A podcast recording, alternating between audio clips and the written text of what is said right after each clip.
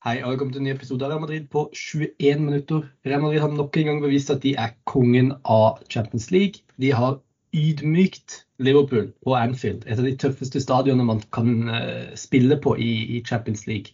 Det er så mye snakk om disse magiske Anfield-kveldene. Uh, og i går ble det nok en, en magisk Anfield-kveld, men for Real Madrid og for Real Madrid-supportere. 5-2 endte det til slutt etter å ha ligget under 2-0 etter bare et kvarter spilt. Dette er Real Madrid på sitt aller, aller beste. Dette er grunnen til at vi elsker denne klubben og, dette laget. Med meg til å diskutere denne kampen har jeg i dag Jone. Hei, hei. Hei, hei. Det som er litt artig, er at uh, for dere som lyttere som husker veldig godt, så var jo Jone også med på uh, episoden vi spilte inn etter Champions League-finalen. Så uh, Jone har liksom blitt vår Liverpool-spesial eh, som vi henter inn eh, kun når Real Madrid møter Liverpool. Det er litt tilfeldig, men eh, gøy å ha det med, og det syns det passer litt fint. da. Ja, det er deilig å få sånne, sånne kamper istedenfor eh, noen andre av de som har vært eh, ja. i det siste. Ja, for det har jo vært litt, ja, vært litt rått for Real Madrid i det siste. Det skal jeg være den første til å innrømme. Der, de har slitt litt i vinter. Særlig i januar var jo en litt sånn tøff periode for Real Madrid. Mye skader. Eh, mye dårlige prestasjoner. Eh, kjipe poengtap i, i, La Liga. Eh, Tapte supercupfinalen mot Barcelona. Rett og slett en litt sånn tøff periode. Men nå nå er, begynner våren å nærme seg. Real Madrid spiller Champions League, og de har, eh, spiller en, en, en, kjempekamp. En klassekamp på Anfield og ydmyker Liverpool. Hvordan føles det å være Real Madrid-sporter i dag, nå eh, onsdag morgen? Akkurat nå føles det ganske godt, altså. Eh, nei, det er eh, Det var flott, ass. Det var deilig. Eh, skal være helt ærlig og si at jeg var litt stressa i starten der, men, eh, men, så Ja, er det som eh, er det som alltid, da. Det er Madrid, og da kommer man tilbake. Og da våkner man som oftest med en god følelse dagen etterpå. Så ja, deilig februar morgen i dag, altså. Ja, det var, ja, god, god morgen i dag, det var det. Uh, og det er jo som du sier, Real Madrid kommer alltid tilbake. og Ancelotti fikk spørsmål i etterkant av kampen om hva han tenkte da Real Madrid lå under 2-0. og Da svarte han bare nei, jeg tenkte tilbake på semifinalen mot Manchester City i fjor. Og Det var liksom det han, han trengte å si da. og Det er jo et godt eksempel igjen på at uh, Real Madrid er bedre når de, når de henger litt i tauene og, og sliter litt og virkelig må grave fram det beste. Da står de beste spillerne fram. Det er på en måte det samme som man så forrige sesong. Det er Venezia Junior, det er Karin Benzema, det er Luka Modric, Edo Militao som trekker fram disse drømmeprestasjonene, disse verdensklasseprestasjonene når det trengs som mest. Eh, og det var vanvittig gøy å se. Eh, et, et, lag som alt fløyt, alt satt. Eh, Iallfall etter de, siste, de, de første 20 minuttene. Da. Så det er jo kanskje et godt sted å begynne. Jeg tror ikke vi kommer til å gå gjennom scoring for scoring eh, i dag. Det, da tror jeg vi sitter eh, fram til onsdag kveld. Så det kommer til å ta litt, eh, litt for lang tid. Men jeg syns vi skal starte med iallfall de første sju minuttene som i ett. da, fordi da ligger jo også Real Madrid under 2-0. Darwin Núñez med en flott skåring og, og også denne tabben da fra, fra Courtois. Ikke noe vi er vant til å se fra han, men alle keepere gjør en tabbe en gang iblant, tenker jeg. Eh, og at vi har sett så lite av de fra, fra Courtois, eh, syns jeg på en måte sier litt om, om, hvor stabil han egentlig er. da. Dette er noe vi ser fra Alison to-tre ganger i løpet av en sesong. Sant? Så at vi ser det fra, fra Courtois én gang, eh, syns jeg på en måte er, er, fair, om du vil. Ja da. Det er litt spennende den der eh, måte, diskusjonen han hadde før kampen også. Jeg så det var mye av det på Twitter bl.a. også med ok, hvem er egentlig den beste keeperen av, eh, Alison og Courtois. Og så skulle man liksom dra fram de forskjellige styrkene og svakhetene med de to spillerne. Og da kommer liksom det der med ballfordeling. Der er det jo ingen tvil om at Alison kanskje er en bedre alternativ enn Courtois. Og rett og slett det med å ha ballen i beina. Mm. Og så var det jo litt uh, spesielt at man fikk et så godt uh, eksempel på nettopp det akkurat der. Uh, selv om det på en måte ble reversert igjen litt etterpå, da, som vi også kan komme på. Men ja, nei, Vi vet jo at det er en svakhet for Courtois med ballen i beina, så at han burde skutt den ballen bort litt tidligere, det er det ingen tvil om. Men uh, han har gjort nok uh, nok for denne klubben til at man kan ta på skylappen og se forbi akkurat den tabben i går. Ja, og generelt sett så syns jeg han spilte altså, Det var ikke så mye han ble testa, egentlig, i løpet av den kampen i går etter det.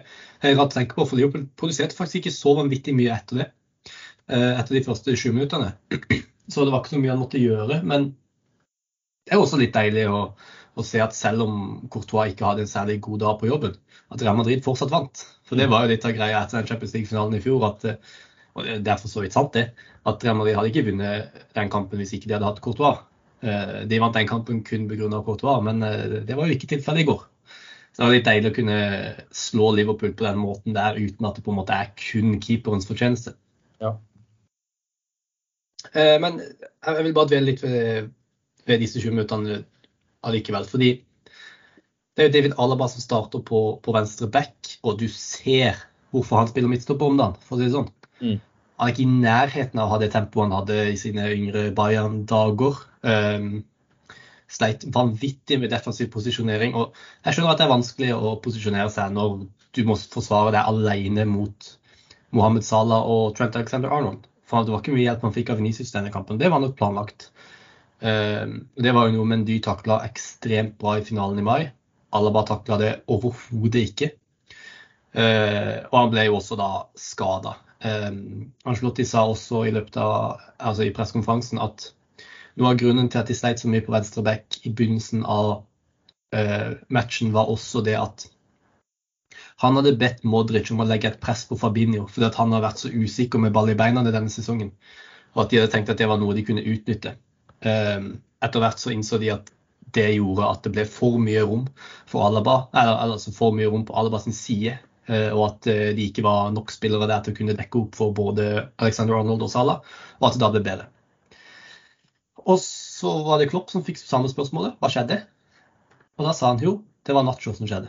Mm. Nacho Fernandes kommer inn for Alaba og spiller en av de beste kampene vi har sett av han i en eh, Real Madrid-drakt. Og ja, altså, man begynner jo å tenke Er det ikke han som burde starte som venstreback når uh, Mendy er ute?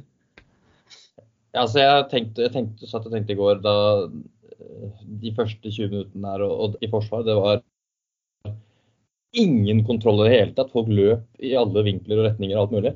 Um, og så blir Alaba skada. Og så greit nok at han ikke hadde hatt en veldig bra kamp, men da sitter du og så tenker du ok, hvem er det du skal få inn nå, da? Skal Kamavinga ned igjen, kanskje? Det er kanskje det tryggeste du kan gjøre. ok, Hvem skal inn på midten da? Og så ser du at det er Nacho som begynner å gjøre seg varm på, på sida. Og så også du ser at spillerne blir stressa. Altså, det var vel både Benzema og var det Modric også som sto og, og liksom, Få i gang han karen der. Liksom, nå må vi må få inn en spiller. Nacho kommer, og da er sånn Nei, nei, nei. Nacho på venstre bekk. Han har i hvert fall spilt litt på høyre, men på venstre så er det han egentlig kan gi oss der? Men det han kan gi oss der, det er på en måte en slags no nonsense fullback, for å si det sånn. At når han kommer inn, så er det liksom ikke snakk om å nødvendigvis være med så mye i spillfasen og være med fram og være med tilbake. Sånne ting. Det er bare å få den ballen unna. Jeg tror kanskje det var noe man trengte akkurat på det tidspunktet, for at det var så mye eh, Spillerne i forsvar var stressa, rett og slett. Så bare få inn en spiller som kan kelke den ballen unna hver gang den kommer, og, og ha litt sånn eh, ro, på en måte, skape litt ro i Forsvaret. Det var nesten en slags eh, gudegave at han, eh, at han fikk lov til å komme inn der og, og, og spilte ut kampen. For det var en kjempekamp av Nacho i går. Definitivt. definitivt. Og hvis, eh, hvis, du satt og så den kampen i går eh, hjemme i stua og, og var litt sånn bekymra da Nacho skulle inn, så syns jeg det er en naturlig reaksjon å ha. For det var nok den reaksjonen de aller fleste hadde. Eh, men eh, det løser seg fantastisk. og Han sa jo etterkant av kampen også at uh, han har tilbud om en ny kontrakt, men han er usikker på om han kommer til å ta den. Um, man kan jo forstå hvorfor, for han har ikke akkurat vært en nøkkelspiller, men jeg syns han på en måte beviser at det finnes en spiller igjen som, som er verdifull. Det at han kan spille så mange posisjoner, og det at han, han gir Real Madrid noe, noe bunnsolid. Han spiller aldri til en tier på børsen, men han ligger liksom alltid på en femmer eller en sekser. Mm. Og at det i seg sjøl er, er, veldig verdifullt. Så får vi se hva han velger å gjøre med, med, med, den kontrakten, men det er jo kanskje tema for en annen episode. Men så skjer det jo et eller annet. Som jeg sa, eh, Angelotti gjør det grepet med å flytte Modric litt dypere i banen, presse litt mindre. Eh, og da ser du også at, eh, at Real Madrid tar overtak eh, på denne kampen. Eh, og her er det særlig én spiller jeg har lyst til å trekke fram også som, som bidrar til det. Og det er Eduardo Camavinga, som 20 år gammel starter som defensiv midtbanespiller. En av de viktigste posisjonene på banen i en kamp som dette. Og bare briljerer. Dette dette er, en av de beste Camavinga-kampene jeg har sett. Uh, han spiller av press, han tar med seg ball framover når det er riktig. Han vinner tilbake ball som om, det er, som om det ikke er noe som helst. Vinner den fysiske duellen med stort sett alle på, på midten der. Altså er ble kjøpt for 80 millioner euro, men han, eh, han får konkurranse fra sju år gamle Kamavinga om den, den ankerrollen nå, altså. Hvor imponert var du over, eh, over Kamavinga sin prestasjon i går? Ja, veldig imponert. Og han har jo uh, virkelig spilt seg inn i egentlig det som han burde ha spilt seg inn i startelveren nå. Uh, om det er på venstre bekk eller om det er sånn dyp, det, det, får man diskutere. Men han har jo en kjempejobb på begge plasser. Jeg syns jo at i starten, spesielt første, det er jo ikke bare han, men det er mange andre òg, men, men, han også eh, gjorde meg litt småstressa. At det liksom var noe å skape de frisparkene litt nærme 16-meteren og miste ballen i litt farlige posisjoner og sånne ting.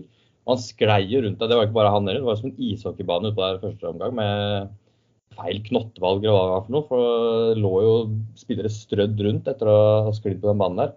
Mm. Men utover i første omgang, og kanskje spesielt i andre omgang, ja, så tar han seg opp noe voldsomt. og Da blir han en, en meget viktig brikke på utspillingsfasen, som Real Madrid klarte å eh, bruke mye mer av i, i andre omgang. Eh, og også det defensive. At han rett og slett ja, er en ball winner. At han eh, står i. Han skaper ikke uh, dumme frisparker og sånne ting, men, men uh, har nøye og gode kalkulerte inngrepene som resulterer i at han som oftest vinner igjen ballen da, og, og gode involveringer. Så ja, nok en kjempekamp av Kamavinga. Ja, det er jo som du sier, Han er 20 år gammel. Det er egentlig helt utrolig å tenke på. Ja, starte i den gryta som er Anfield i Champions League og, og levere den prestasjonen. Det sier litt om ikke bare det potensialet han har, men hvor god han allerede er. Han mm. er allerede verdensklasse midtbanespiller. Og Real Madrid har mye å velge av. Det er midtbanen nå, altså. Det, det er vanvittig gøy å se. Men eh, ja, altså Jeg nevner jo Kamavinga som er viktig til å snu kampen, men det er jo et åpenbart navn her som må nevnes. Eh, en spiller som har eh, som har hatt det tøft den siste perioden eh, med ting som har skjedd både på banen og utenfor banen. Vært offer for mye, mye dritt.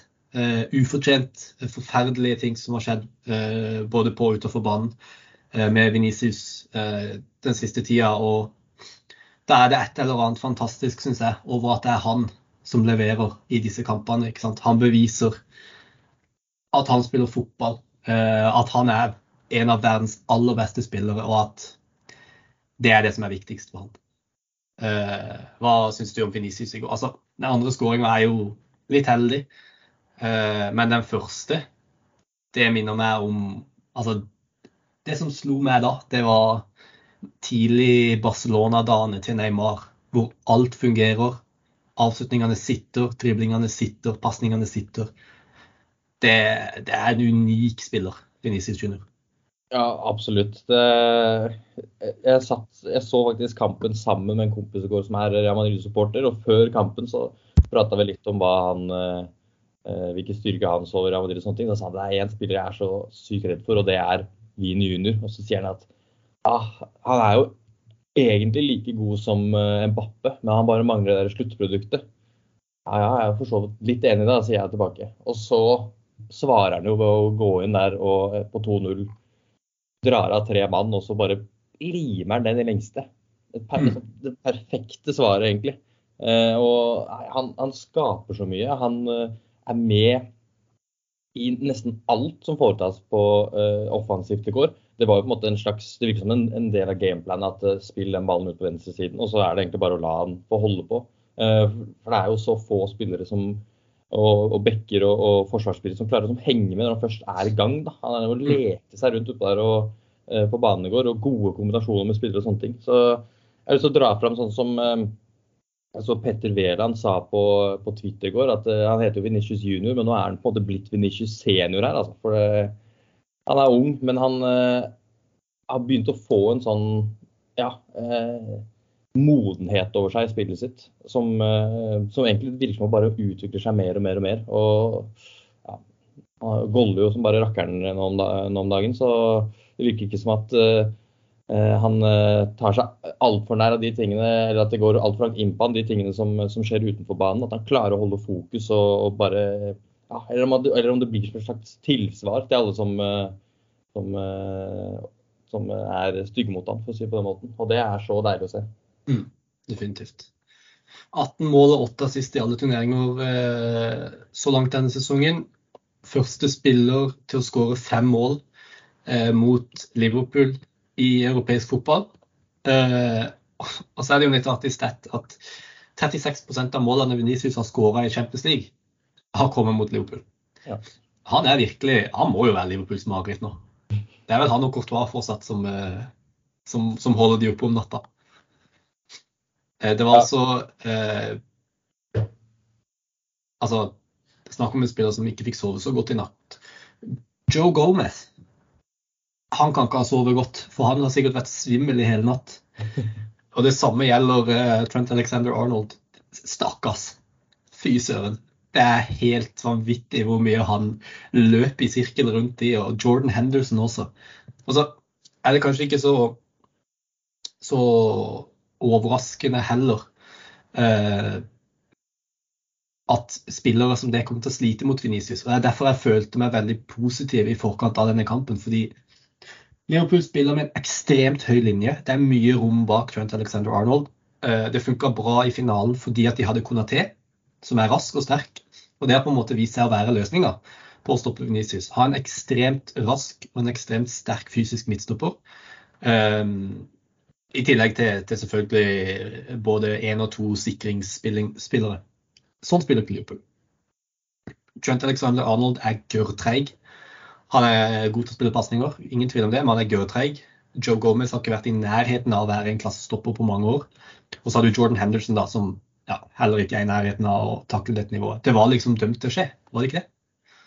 Jo, det er en litt sånn eh, Det er vel det mange Liverpool-supportere har fått inntrykk jeg har fått. Eh, at de eh, mener det er et lite sånn aldersproblem på en måte, i klubben. At det er litt for mange gamle og treige spillere der. Og når du da har Vini som sin største styrke er å gå i det bakrommet og utfordre det bakrommet. Og egentlig ikke bare Vini, men du har også Rodrigo på høyresiden som, som, som, også er kvikk og rask. Mm. Ja, så er det som Da må det nesten bare gå sånn at de sliter med å, å, henge med. Ja. ja det var Det var forutsigbart, om ikke annet. Uh, men uh, gøy å se allikevel. Uh, vi var inne på det andre skåringa var litt flaks. Men det er jo også ja, Jeg syns jo det er litt rart, litt sånn tilfeldig også, at det er to, to keepere, de to beste keeperne i verden, som gjør samme feil i samme kamp mot hverandre. Hva er sjansen for det? Det, altså, det er skikkelig rart også å tenke på eller, altså, hvor mye fokus Hvis man tenker tilbake på Real Madrid og Liverpool-kampene mot hverandre, så hvor mye fokus det er blitt på keepere. Det er jo ikke bare, det er bare noen år siden du hadde den Champions League-finalen hvor uh, Karius var, uh, var, i fokus. Uh, ja. Og så var det Courtois som var i fokus forrige finalen. heldigvis positivt denne gangen for vår del, i hvert fall. og nå igjen så er det keeperne som på en måte får mye av overskriften, for å si det sånn. fordi at det mm skjer noe, noe rare greier. Ja, ja det, det, det er kan stusse litt over det, altså. Også da de møttes i 2009. Da, da Liverpool var, da var det jo de betraktelig bedre enn Real Madrid. Real Madrid hadde et veldig tøft år i 2009. Jeg tror Liverpool til slutt vant 4-0 på Anfield eh, den mm. sesongen. Men Casillas spilte en av de beste kampene man har sett fra han. Så også da var det jo keeperen som var i fokus. Eh, da var det Casillas, og så er det Courtois og Alison. de sånne. og Karius. Det er rare greier, det der, altså. Men vi kan gå litt videre, for det, det var jo, da var det jo pause. 2-2. Vi har allerede prata i nesten 20 minutter, og vi er kommet til pausen. Så det sier jo litt om hvor innholdsrik denne kampen var. Men vi går litt over tida. Eh, skulle bare mangle til en sånn spesiell kamp som dette. Eder Militao eh, spiller altså vært Real Madrids beste forsvarsspiller denne sesongen. By far. Eh, var strålende i finalen. Og i går igjen. Altså, jeg, jeg nevner jo han fordi det var han som skårte rett etter pause. Men også fordi at han var helt, helt outstanding i går. Det er en av de beste stopperprestasjonene jeg har sett fra ham på, på veldig, veldig lenge. og Rydiger også spiller kanskje sin beste kamp i Real Madrid-drakt. Da får man gode resultater. Og Militao, altså. Hva, hva, tenker du om hans prestasjon i går? Den, den headinga er jo også helt avgjørende for at Real Madrid får det resultatet de får. Ja da, den uh, headinga det, så ut som noen som var innøvd på treningsfeltet. Eh, funka perfekt. Funka akkurat som det skulle gjøre. Han fikk jo gå helt alene fram der og, og heade inn fra to meter og hva for noe. Mm. Men ja, uh, kjempekamp av Militao også, og Rudiger som også nevner. Uh, kanskje mest av Militao som har blitt en sånn stopperkjempe, på en måte. Som bare er Ja, han, han får unna det som kommer, på en måte. Og som jeg var litt innpå i stad, så syns jeg jo første 20 minuttene, første 30 kanskje, så var det mye tull i det forsvaret der. Og det virka ikke helt hvor de var hen. Men når de liksom fikk satt seg, og kampen fikk satt seg mer, så var de helt enorme. Og da var det jo Liverpool slapp så vidt til en eneste mulighet. Eh, altså kom til eh, så vidt som en, en eneste mulighet. Eh, og det var mye pga. de stoppeprestasjonene. at de hadde både fikk kontroll på, på utspillingsfasen, der hvor de to stopperne er uh, viktige, eh, og også fordi at alt det som, som uh, av de ballene som ble skutt oppover, så plutselig så står det militæret der som, som header den unna eller tar den rolig ned og, og sentrer den videre. Så ja, han er blitt en stø og god spiller, og jeg tror ja, det er sånn det er spesielt å se tilbake på hans på måte, karriere i Madrid. Når han først kom, så var det jo han var jo ung, ingen tvil om det, og, men du hadde gode alternativer foran han. Og han var liksom aldri i nærheten av å spille seg inn, og det var vel få som egentlig hadde ordentlig troen på han. Men når han nå har fått mer og mer ansvar på, en måte på den stoppeplassen, så har han jo stått opp og vært en av eh, verdens beste stoppere, i hvert fall de to siste sesongene. Eh, denne inkludert. Så da, ja, han er blitt en ordentlig god spiller og en skikkelig trygghet i det forsvaret når han spiller bra. Mm definitivt. Eh, og som du var inne på, Real Madrid stoppa jo det aller meste som kom fra Liverpool i andre omgang. Og ja, i andre omgang var det rett og slett klasseforskjell eh, på, de, på, de, to lagene. Eh, først er det en skåring fra, eh, fra Militao, og så er det Rodrigo og Benzema som, som kombinerer. Litt heldig med avslutninga der, eh, Benzema, men eh, den gikk nå en gang i mål. Og den siste kontringa og Luka Modric stjeler ballen fra Fabinho på midtbanen. Som er litt ironisk, for det var jo det Angelotti sa at han ikke skulle gjøre lenger. Mm. Eh, men så ga det resultater allikevel til slutt. Eh, stjeler ballen fra Fabinho på midtbanen. Eh, og så tar han dette her, jeg kaller det PSG-løpet. Det han hadde mot PSG i, i Champions League åttendedelsfinalen i fjor også.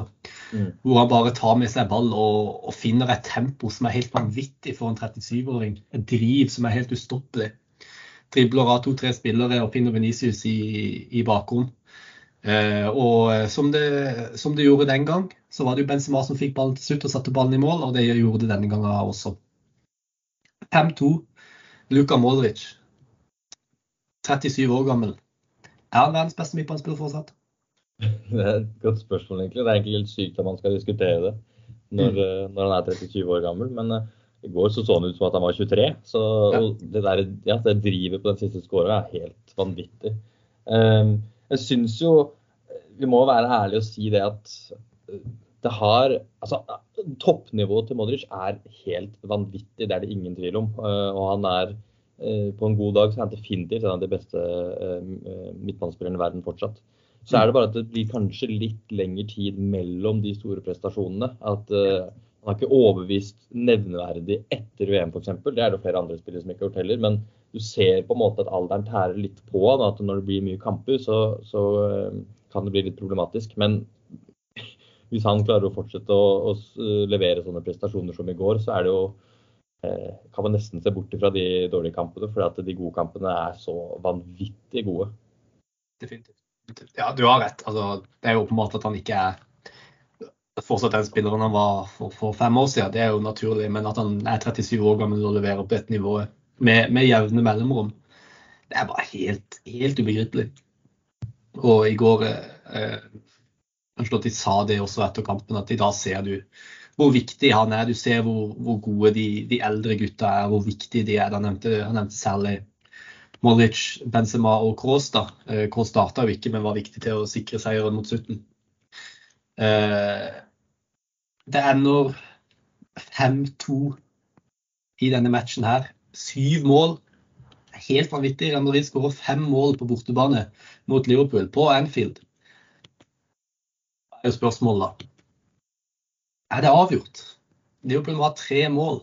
Altså, de må vinne med tre mål for å kunne ta dette til ekstraomganger. Ja, nei, det er jo definitivt ikke avgjort. Og det er jo kanskje Real Madrid-supporter det beste bevis på Real Madrid i seg selv, hvis man ser på fjorårets sesong. Og egentlig så Jeg syns egentlig det er helt grusomt å være Real Madrid-supporter i utslagsrundene, nettopp fordi liksom Ja, du vet aldri hva som kommer til å skje. Eh, om det er den ene veien eller den andre, for å si det på den måten. Eh, og jeg satt jo der på 2-0 i går, så tenkte jeg det, ja ja. Eh, jeg tenkte jo vi er selvfølgelig ikke ute. Det er altfor tidlig. Det er Real Madrid, det er på en måte den tryggheten jeg kan finne. Ok, vi ligger 2-0 under, men det er Real Madrid. Så begynte de å snu det. Og da er jeg nesten litt sånn der Sånn som i fjor, så ja, Se bort fra den ene 3-1-seieren mot Chelsea, så tapte vi vel alle kampene sånn i ordinær tid eh, omtrent. Eller altså, og, og, snudde det i andre kampen. Eh, mm. Så nå er jeg nesten litt sånn eh, stressa for har vi, liksom, har vi snudd det her for tidlig. Er det, er det Det er ikke vanlig på en måte, å sitte i en posisjon hvor du leder etter første kampen ut. Så Det er liksom det som stresser meg litt mer nå. Og da er igjen det der, det der ja, å sitte og følge med på Real Madrid i utslagsrunde, det er det er farlige greier. Du skal søren ikke se bort ifra at uh, Liverpool leder 3-0 etter en halvtime på Bernabeu uh, neste gang heller. Uh, så opp og ned kan det gå. Ja, virkelig. Og vi har jo sett det før. Fra, vi så det i fjor fra Real Madrid. Da de leda Nå var det riktignok med to mål da, fra første mm. kampen mot Chelsea. Og de på et tidspunkt lå an til å rykke ut.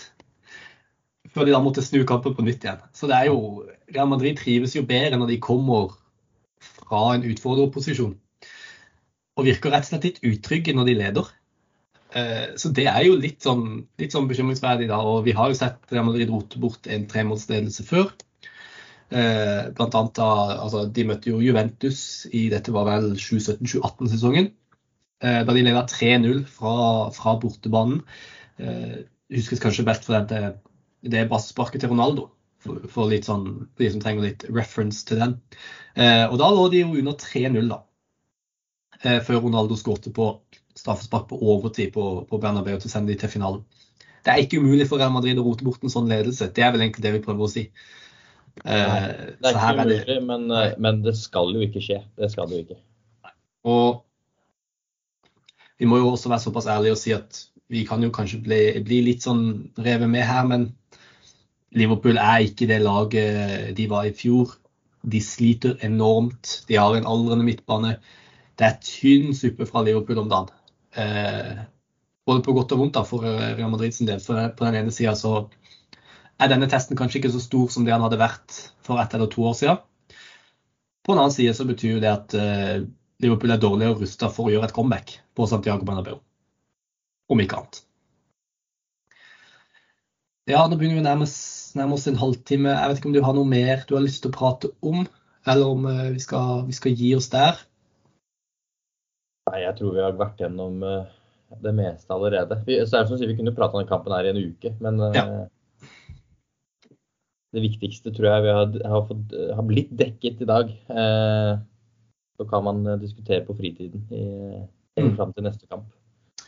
Bare følg med på nettsida vår. Det kommer til å dukke opp litt artikler eh, her og der. Spillervurderingene ligger allerede ute. Eh, klikk dere inn på de. Og så eh, kan jeg også invitere nå til alle dere podkastlyttere til å se